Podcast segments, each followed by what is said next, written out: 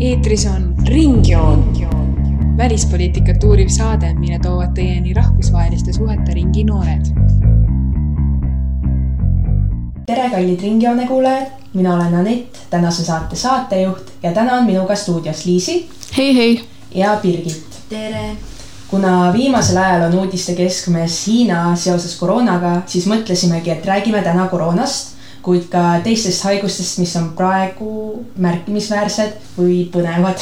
jah, alustame siis äh, koroonaviirusest, et hakkas levima Hiinas äh, kohas nimega Wuhan. praeguseks on haigestunud üle seitsmekümne tuhande inimese, enamjaolt liigub ringi Hiinas, aga vaikselt tikub ka Euroopasse ja Ameerikasse ja igale poole mujale no tegelikult see saigi alguse kolmekümne esimesel detsembril, kui äh, avastati esimene selline nagu veidi erinev kopsupõletiku versioon. ta ei osatud siis põhjendada, et milline see on. siis jaanuaril äh,, alguse poole, üheteistkümnendal jaanuaril äh, suri esimene inimene sellesse ja no siis sealt läks see rong käima ja käib siiamaani ja aina rohkem inimesi haigestub Hiinas kui ikka ka väljaspool koroona puhul kindlasti märkimisväärne on see, mis on hakanud levima seoses siis suhtumisega Hiina kas turistidesse või elanikesse ja kindlasti kõik inimesed on kuulnud koroonast ja nüüdseks juba aru saanud, et tegu ei ole mingi õllest saadava viirusega. kusjuures isegi Tartu Ülikooli, ma ei tea, kas te nägite seda infokirja, aga infokirja lõpus olid nagu mingid tavalised teated umbes, et mis nagu uue semestriga seonduvad ja siis viimane see punkt oli, et Terviseamet ütleb, et hiinlasi ei tasu karta või midagi sellist. tegidki päris nagu ametliku avalduse, et äh, palun, kui te näete hiinlasi, siis neil ei ole arvatavasti koroonaviirust, palun ärge kutsuge neile kiirabi. sest et ükskord oli ju see, et äh, Hiina turistidele kutsuti kiirabi. Äh, nad olid hotellis ja teate, miks neile kutsuti kiirabi? Neil oli pohmakas just tegelikult. ja et nad ei tulnud oma toast välja ja siis kardeti, et neil on sellepärast koroonaviirus. et just huvitav on see, kuidas siis üks haigus, me räägime noh, seitsmekümne tuhandest nakatunust, kindlasti see ei vääri päris sellist tähelepanu, nagu see on saanud aga kuidagi interneti ja massimeedia leviku puhul see on tõepoolest viinud selleni, et vaesed hiinlased kannatavad. aga igal juhul ja, et Hiina võimud avaldasid just hiljuti siis äh, suurima uuringu koroonaviiruse kohta ka, et äh, loodame, et need andmed on siis tõesed et, ongi nakatunud siis üle seitsmekümne tuhande inimesi, aga leiti, et üle kaheksakümne protsendi juhtumitest on kerged ning enamasti on ohus juba varasemad haiged ja eakad inimesed. ehk siis tegelikult nagu mulle tundub, lihtsalt praegu tekitabki hirmu see, et see on uus ja sellel ei ole otseselt vaktsiini. aga sellepärast, et see tundub mulle vähemalt, ma ei ole ekspert muidugi, aga natuke nagu gripi moodi. et see ju nagu otseselt ei ole sihuke, kui sa saad selle, siis sa kindlalt sure, sured ära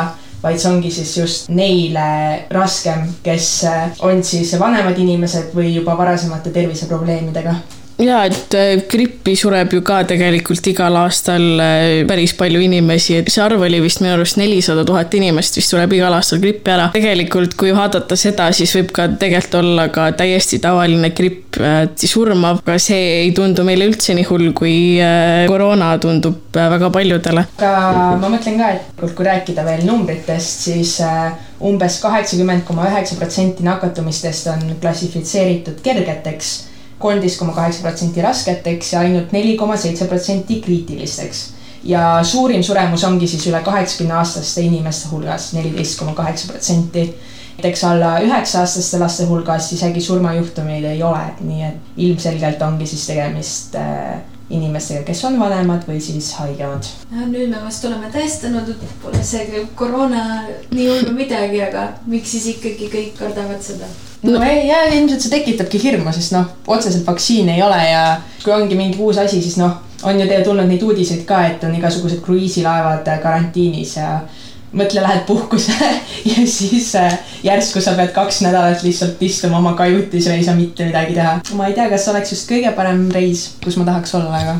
no see ongi see, et see gripp on äh, nii-öelda levinud siis ainult poolteist kuud inimesed ja teadlased ei ole veel päris kindlad, millega tegu on, nad teavad, et see on viirus, äh, nad teavad, et see on nagu kopsupõletik, aga nagu muud väga nad selle kohta ei tea. see tekitabki hirmu, kuigi mina arvan ka, et tegelikult asi pole üldse nii hull ja oleme ka hullemaid haigusi üle elanud. no mina isiklikult arvan, et äh, tegelikult võib-olla ongi meedia seda veidi üle paisutanud. koroonaviiruse kohta on ikkagist teated veel ärevad ja mõneti segased.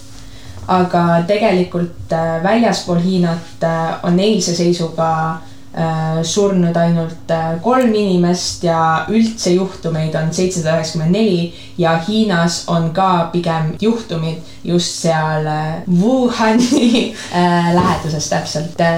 tegelikult minu meelest veel olukord nagu väga üle käte ei ole mis teie üldse arvate sellest koroona teemast ja et kas teile tekitab see mingisugust hirmu? hirmu ei tekita, aga põnev on, noh, see ongi see, et sotsiaalmeedia kaudu sa saad erinevaid neid reaktsioone, mis teised inimesed äh, arvavad sellest. ja hästi põnev asi on minu jaoks äh, vandenõuteooriad ja nende kohta ma olen päris palju lugenud. Äh, koroona, koroona siis maailmast on päris mitmeid vandenõuteooriaid. üks on näiteks selline, et ameeriklased on selle taga, et see on biorelv hiinlaste vastu. aa ja ma olen ka kuulnud seda biorelva oma. jaa, aga teised arvavad jälle, et see on äh, hiinlaste biorelv Ameerika vastu. see on selline väga põnev ja mis on veel hästi põnev, on see, et äh, eelmisel aastal oli äh, Hiina väga suuresti tule all sellepärast, kuidas nad käituvad Hongkongiga, aga äkitselt tuli koroonaviirus välja ja nüüd ei räägi sellest põhimõtteliselt mitte keegi vandenõuteooriad on alati siuksed huvitavad asjad, et mõnikord isegi duši all või, või hilja voodis võtta maa on lame või mida iganes. selles suhtes mina, peorelv tõenäoliselt midagi kindlasti on juba valmis tehtud, miks mitte koroona siis? mine tea. loodab, et pigem mitte aga ega seda päris tõde keegi ei tea, nii et. mina selles suhtes ka, kui sa küsid, et kas äh, ma kardan, siis kui ma ütleks, et noh, mis meil paar aastat tagasi oli, et kõik surevad ebolasse, ei, veel, veel ei surnud, siis tuli see Zika, et siis ka isegi olümpiamängud sai peetud seal, et, et vast see koroona ka läheb meist äh, mööda, ilma et äh, surema peaks, haigestuma peaks. oota, aga seal kahe tuhande kolmandal aastal oli Hiinas ka see haigus? ja seal oli tegelikult sarnase tüvega viirus äh, nagu koroona, selle nimi oli SARS ja sellega on hästi naljakas lugu see, et hiinlased üritasid seda ise kinni mätsida, et nad ei tahtnud, et nagu väljaspoolt inimesed teaksid, et neil on äh, selline viirus levib äh, ringi ja isegi World Health Organization sai sellest teada hiljem, kui nad oleks pidanud. ja see oli ka mingi hetk oli väga suur risk äh, siis äh, maailma tervisele üleüldiselt ja sellega oli hästi noh, põhimõtteliselt selle siis mortality rate ehk siis kui paljudest haigestutest inimesed ära surevad, oli kümme protsenti, mis on päris arvestatav number, arvestades seda, et tavaliselt gripil on see üks protsent ja koroonal on vist praegu kaks koma viis et väga suur osa inimesi haigestus sellesse ja hästi põnev oli see, või noh, see ei olnud otseselt põnev, aga hästi jube oli mõelda see, et hästi paljud haigestunud olid tegelikult äh, meditsiinitöötajad. umbes kolm tuhat haigestujat olid äh, arstid. see on kõige hullem asi, mis saab juhtuda, et sa lähed arsti juurde, sind peaks ravima see, kes sind usald-, see, keda sina usaldad, aga vot sa jääd hoopis haigeks sealt no ja mõelge siis nende arstide peale, kes mõtlesid, et usaldavad patsiente ja siis mm. tulevad, annavad sarsi neile. siis minu meelest olukord parem, et kui aastal kaks tuhat kolm prooviti seda kinni mätsida, siis äh, praegu teeb Hiina siiski koostööd. juba praegu on mingeid äh, lennukisõite vähendatud sinna provintsi, kus on ja samuti on ju üle maailma saadetud äh, vahendid, et saaks seda haigust diagnoosida. ja postipakid ei jõua kohale, ma olen väga tige selle peale, ma olen mitu kuud tagasi tellinud Aliekspressis ja ei jõua kohale. aga selles suhtes selle kinnimätsimisega seoses, ega vahepeal liikus selle kohta, et Hiina tõelisi andmeid varjab, sest et kui seal ikkagi on noh, et kui seal on miljonid inimesed ikkagi isolatsioonis, siis tundub, et see on hullem, kui samal ajal öeldakse, et see on kontrolli all. et siiski see on Hiina, et päris kindlalt ei tea kunagi aga jah, parem on küll kui enne. aga jah, ma arvan, et äh, näiteks kui me mõtleme selle peale, et kas me peaksime siin Eestis muretsema, siis ma arvan, et Eestis on palju suuremaid ja reaalsemaid ohte kui praegune koroonaviirus. et näiteks meil ongi ju gripiviirus, mille tõttu on Eestis sel hoo, hooajal äh, juba siis äh, hospitaliseeritud kakssada kakskümmend kolm patsienti mit-, mitmeid aastaid, aastaid on olnud juba gripi vastu vaktsineeritute osakaal ka soovitatust palju väiksem ja noh, mis haigusi meil veel on? leetrid või? Ei tea, üle maailma üldiselt kõige hullem praegusel hetkel juba aastakümnendil on koolera olnud, aga no see on siukse ebasanitaarse piirkonna haigus, et see jääbki siin Aafrikasse ja Aafrikas, mis haigust sa ei saa sellest. ja see on tegelikult fair point, et ikkagist arengumaades on palju lihtsam igasuguseid haigusi saada ja seal on ka suurem oht, et tekivad erinevad haigused. sellepärast, et meie elamegi siin ikkagist äh, hea meditsiiniga asukohas, et me peaksime olema tänulikud selle üle. ja puutume kokku palju vähem loomadega, sest noh, enamik inimestele üle tulevad äh, tüved, haigustüved, viiruste puhul eriti või siiski pärinevad noh, loomadelt, ka koroona on nahkhiirtelt või lindudelt tulnud. Äh, minu arust inimestele ta tuli selle kaudu, et eh, kalaturult või kuskilt, et eh, keegi müüs kala, mis oli haigestunud sellesse haigusesse või noh, nad ei olnud elus, nad olid surnud juba. mina teadsin, et keegi sai nahkhiiri. vot see on, siin on ka erinevaid, sellepärast et minu, mina sain aru, et see oligi mingi metsloomaturg või mingi sihuke kahtlane asi, igal juhul see pandi kinni.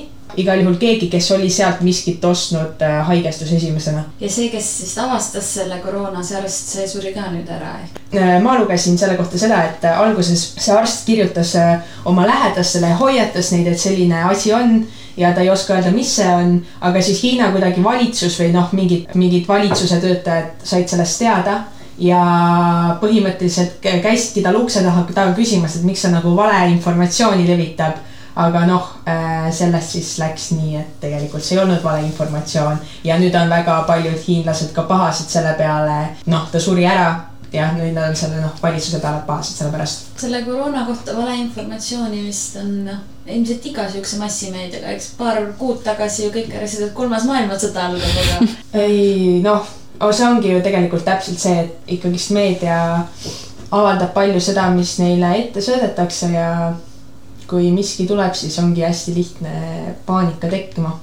no Hiina on üleüldse selline delikaatne riik, kus eh, võib-olla valitsus ei räägi kogu aeg tõtt ja noh, neil on ju see, neil on nüüd see, nüüd on see punktisüsteem, tahavad seda eh, siis eh, inimestele peale panna, et eh, kui oled hea kodanik, siis saad palju punkte, kui oled halb kodanik, saad vähe punkte ja siis sult lõigatakse mingid asjad ära, et näiteks sa ei saa reisida ja värki-särki, et see on päris, päris jube oleks mõelda, kui meil Eestis siin selline, sellised asjad toimuksid, et mina, mina küll nagu väga ei taha võib-olla oleks siis sama efektiivsed kui nemad.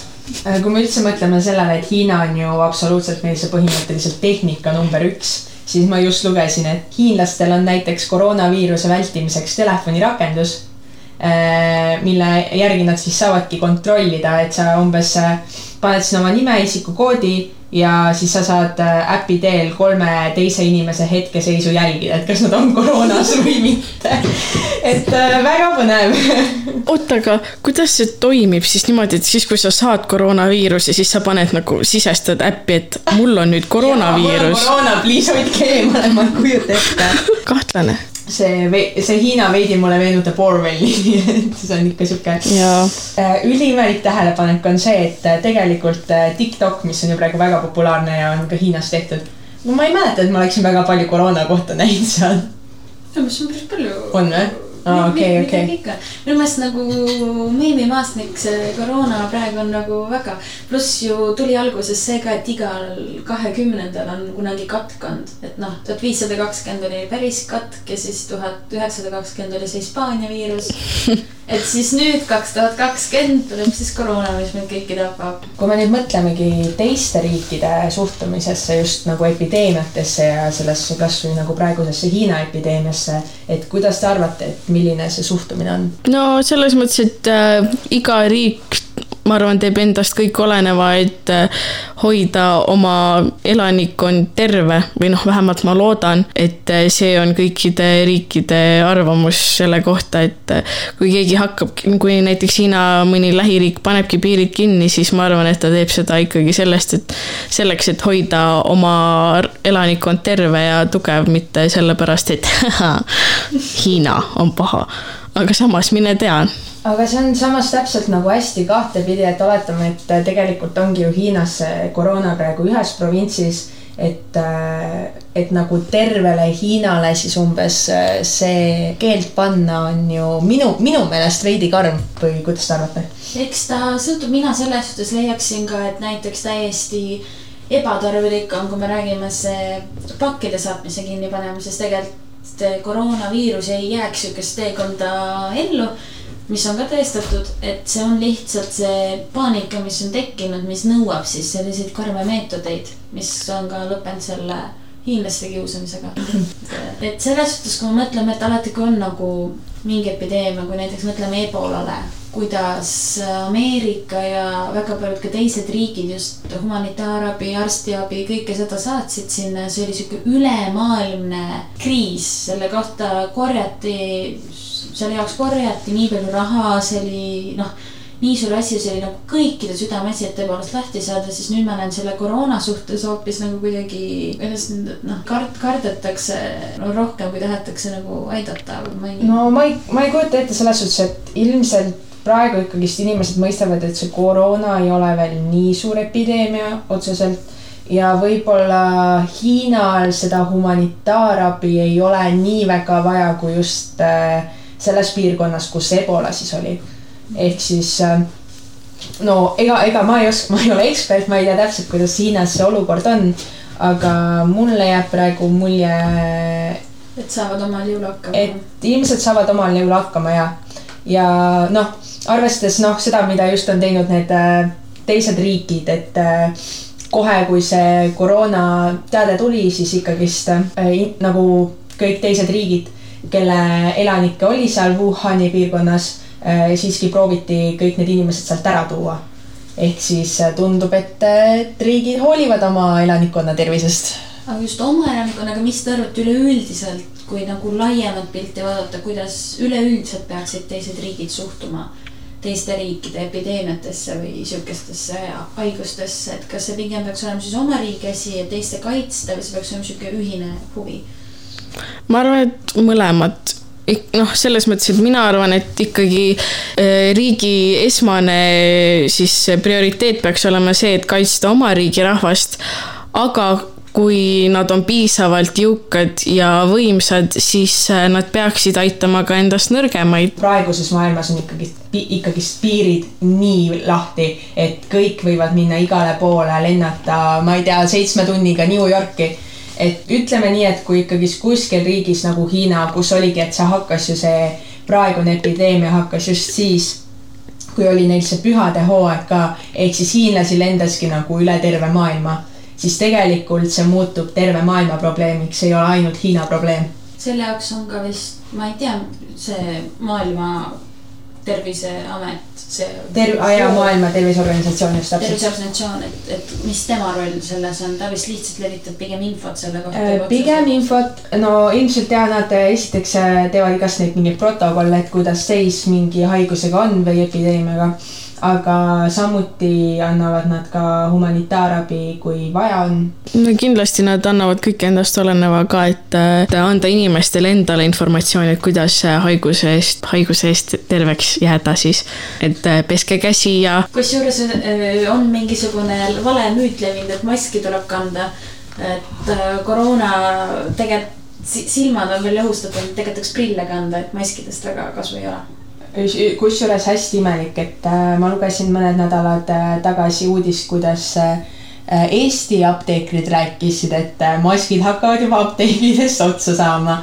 et ei tea siis, kas oli gripihirmus või koroonahirmus, aga igal juhul seis oli selline, et neid hakkas vähem järgi jääma. ma arvan, et see on jah, see koroonapaanika jälle ei, aga tegelikult äh, seal äh, idamaa riikides äh, Hiina, Jaapan, Lõuna-Korea võib-olla ka Põhja-Korea ei tea selle kohta, aga nad kannavad päris tihti neid maske, sellepärast et seal on õhusaastavus on äh, nii suur, et isegi kui nad tulevad siia, siis neil on need maskid näos, ma olen näinud küll ja küll turiste, äh, kes tulevad ja kannavad maske, kuigi meil on siin ikkagi päris puhas õhk ja värki no,. tegelikult kultuur on teine selles suhtes ka, et paljud hiinlased või jah, just sealt kandist inimesed teevad ka nii et kui nad ise tunnevadki, et nad on veidi haiged, siis nad panevadki selle maski ette, sest see põhimõtteliselt peaks see point olema, miks inimesed seda maski ostavad. vot selle peale ma pole mõelnud et sa tahad oled viisakas teiste vastu. jaa, ma mõtlesin, et sa tahad ennast nagu ainult kaitsta, aga noh, arvestades eh, siis läänemaailmaga on eh, ida inimesed ikkagi tunduvalt vähem egoistlikud kui, kui mõni teine. aga jaa, peaks ikka lootma, et see koroonavaktsiin valmis tehakse ja äkki siis läheb äh, kergemaks, kui inimesed reaalselt vaktsineerivad. õige aeg rääkida ravimifirmade motiveeritusest koroona suhtes. ravimifirmad, kuigi üritatakse vahepeal väita midagi muud ja siiski teadus üleüldiselt suures osas töötab siiski raha nimel nagu kõik kapitalistlikus maailmas ehk siis äh, ravimifirmade esimene motivatsioon kindlasti ei ole leida siis koroonavaktsiini, kuna see on ikkagi niisugune hetkeline epideemia pigem. Lisaks sellele on suhteliselt vähe nakatunuid ühes piirkonnas, ehk siis ravimifirma jaoks on see koroonavaktsiini leiutamise ettevõtmine väga mittetulus, et palju mõttekam on neil siis kas vähiravimit või ma ei tea, köharavimit, nohuravimit, kõiki siukseid asju, kui, kui siis koroona, arvestades tegelikult seda, et kui palju vaeva näiteks gripivaktsiinide peale kulutatakse, sest nad peavad igal aastal eh, tegema ju põhimõtteliselt uue vaktsiini, kuna gripp eh, muutub eh, igal aastal või noh, või mis see sõna on, evolutsioneerub. jah, evolutsioneerub, et koroona on eh, jah, selline hetkeline ajutine haigus praegu, loodetavasti ta jääb ka selleks, selleks ei ole tõesti vaja mingit vaktsiini leiutada. Eesti puhul ikkagist, et äh, inimesed, ma ei tea, vaktsineerige ikkagist, sellepärast et Eestis on ikkagist suurem probleem mitte koroona, vaid siiski gripp või isegi näiteks eelmine aasta oli kahekümne seitsmel korral äh, leetrid, aga vaktsineeritud laste osakaal on vähenenud alla äh, epideemiate vältimiseks vajaliku üheksakümne viie protsendi. see on veidi, veidikene probleem, et mida võiks parandada, et siis äkki ikkagist leetrid ei leviks Eestis. see vaktsineerimisvastasus, ma ütlen, viib meid äh, ükskord hukka ja see kõik läheb taaskord valeinfo, paanika, inimeste harimatuse, funktsionaalse lugemisoskuse puuduse ja kõige siukse. väga karmilt läheb. selles suhtes, et kui me räägime, et, et me vaikselt on selleni, et kõik on nii korras ja nii kaua pole ühtegi haigust puhangut olnud, et inimesed vist nagu igatsevad seda, ma ei näe, mis muu põhjus võiks olla sellega, et nagu inimesed ei lähe oma lapsi vaktsineerima. ja see on päriselt nagu suur probleem. jah, palun uuskatk, kõik ootavad. täpselt, sest nagu see on samamoodi koroonapaanika, kolmanda maailmasõja paanika, lameda maa paanika. ja siis nüüd on see, et ärge vaktsineerige lapsi, et neid tahetakse lihtsalt raha ära võtta ja ja mul on äh, üks äh, vana klassijuhataja kakles äh, ükskord äh, mu klassikaaslasega, sest et tema ütles kurjalt, et jaa, et meil ei ole vaja vaktsiini mitte millegi vastu, et äh, inimesed on piisavalt terved ja siis äh, mu õpetaja ütleski, et aga vot sina ei mäleta seda aega, kus inimesed olidki haigetena voodis, lapsed olid kogu aeg äh, seal voodis kinni, ei saanud liikuda, aga mina mäletan, nii et sina ole vait. ja see on nagu täiega tõsi, et tänapäeva noored, kes ongi hästi sellised ökod äh, ja kes äh, eelistavad siis nii-öelda looduslikke ravimeid ei saa sellest aru, et mõni asi on, on tegelikult vaja teha ka, on, ongi vaja vaktsineerida, sellepärast et muidu tulevadki need haigused tagasi, mis arvatavasti eh, ei tuleks enam mitte kunagi tagasi, kui inimesed lihtsalt vaktsineeriksid, sest et me ei ole suutnud neid haigusi välja juurida ja nad praegu lihtsalt tulevadki pinnale tagasi, näiteks leetrid.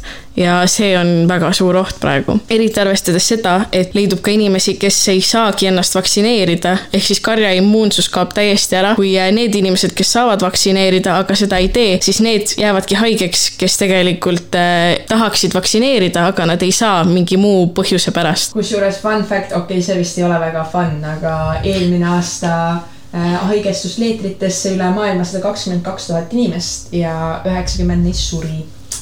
No vot, ja näiteks Leedus oli seitsesada haigusjuhtu, mis on ikka üsna märkimisväärne arv ja nad on siiski meil ikkagist üsna lähedal juba, et never never know, millal see Eestisse jõuab.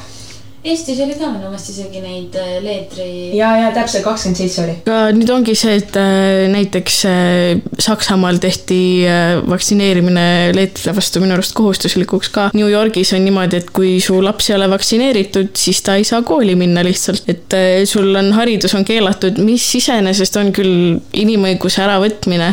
ongi nii või? aga Jaa, samas on, küll. kas vanema otsus last mitte vaktsineerida ei ole siis selle lapse inimõiguste rikkumine? Vaat see ongi see, et mis nurga alt sa seda vaatad, et nagu tegelikult ei tohiks ju lapsele keelata haridust tema vanemate otsuse pärast, aga sa ei tohiks keelata elu tema vanemate otsuse pärast. ja seda ka.